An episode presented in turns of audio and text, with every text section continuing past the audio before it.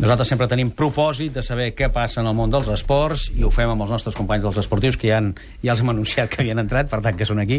Ricard, què tal, com estem? Molt bé, bona tarda. Dopatge a Rússia, les pretemporades d'Espanyol i Barça, el Tour i els cants de sirena de l'NBA a un jugador del Barça marquen l'actualitat esportiva d'aquest 18 de juliol.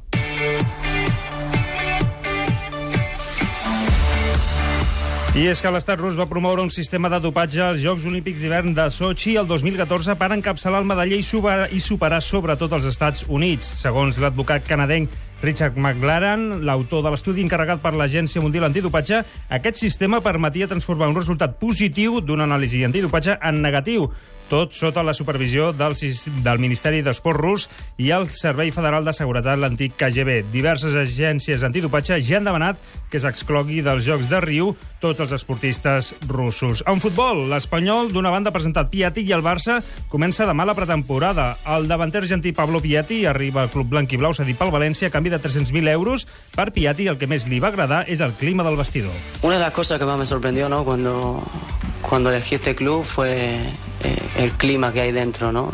Ese ambiente familiar, ese ambiente que te hace sentir bien, te hace sentir cómodo, respaldado. Y creo que también ese es un gran factor a la hora de, de tomar decisiones, ¿no?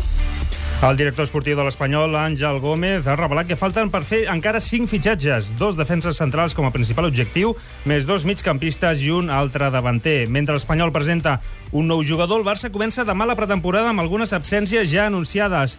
Xavi Campos, bona tarda. Bona tarda. Demà comença la pretemporada del Barça sense Messi, encara sense Leo Messi. Avui el club ha fet oficial la relació de jugadors que comencen demà els entrenaments amb la jornada de revisió mèdiques. Dimecres serà la primera sessió d'entrenament doble programada per Luis Enrique. També s'ha informat avui de les dates d'incorporació de tota la plantilla. Demà comencen 10 jugadors del primer equip. El més destacat, Luis Suárez, la novetat Denis Suárez, un que veurem si li troben una sortiva, el croat Halilovic, i un altre que estrena condició de jugador del primer equip, Sergi Samper. En una setmana s'incorpora Arda Turan el dia 25 i d'aquí dues setmanes tornarà Messi. Aquí han concedit una setmana addicional de vacances. Messi tornarà amb la majoria de jugadors que van ser a l'Eurocopa. L'últim grup tornarà el 8 d'agost amb un Tití i Vinya, dues de les novetats del Barça 2016-2017. Fins al 8 d'agost també han donat vacances a tres jugadors a qui Luis Enrique prefereix no tenir els entrenaments. Tello, Montoya i el brasiler Douglas. Demà comença la feina a Sant Joan d'Espí. La setmana que ve el Barça serà d'estatge a Anglaterra. El dia 30, a Dublín, contra el Celtic de Glasgow, jugarà el primer amistós. Qui en principi no fitxarà pel Barça és Luciano Vieto. L'encara jugador de l'Atlètic de Madrid podria acabar al Sevilla. Precisament, el Barça s'enfrontarà a l'equip andalús a la Supercopa d'Espanya.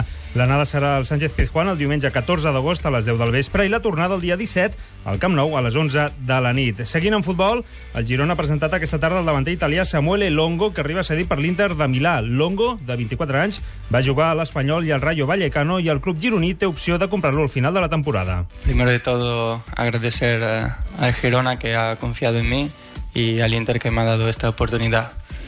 Yo llego aquí con mucha ilusión y mucha ganas de hacer bien, de encontrar la continuidad que me ha faltado estos años y ayudar al equipo a lograr el objetivo. Al Tour de França, victòria de Peter Sagan a la setzena etapa en final a Berna, Suïssa. L'eslovac ha superat el noruec Alexander Kristoff a la mateixa línia de meta i ha fet falta fer ús de la fotofinish. A la classificació general del Tour seguirà un dia més com a líder el britànic Chris Froome amb un minut i 47 segons sobre Molema.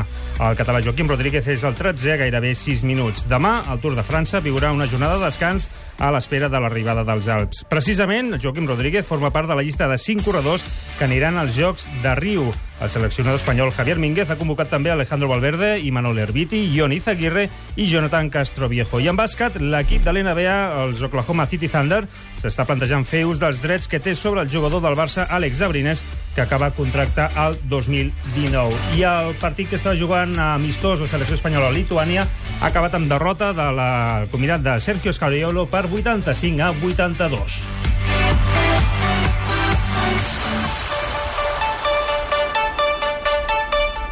I els últims segons d'aquest Catalunya Vespre per una figura que, malgrat que es van sabent detalls al voltant de la seva vida, no s'enfosqueix.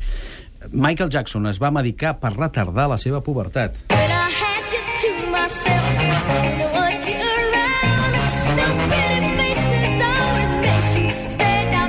ho afirma el metge del cantant Conrad Murray en un llibre que acaba de publicar. Josep. Sí, és un llibre que es titula This Is It, justament com l'última gira que Michael Jackson ja no va arribar a fer mai. En un fragment que reprodueix el diari de Mirror, el metge explica com el cantant li va confessar que quan tenia 13 anys s'injectava hormones per retardar el seu creixement i mantenir la seva característica veu aguda.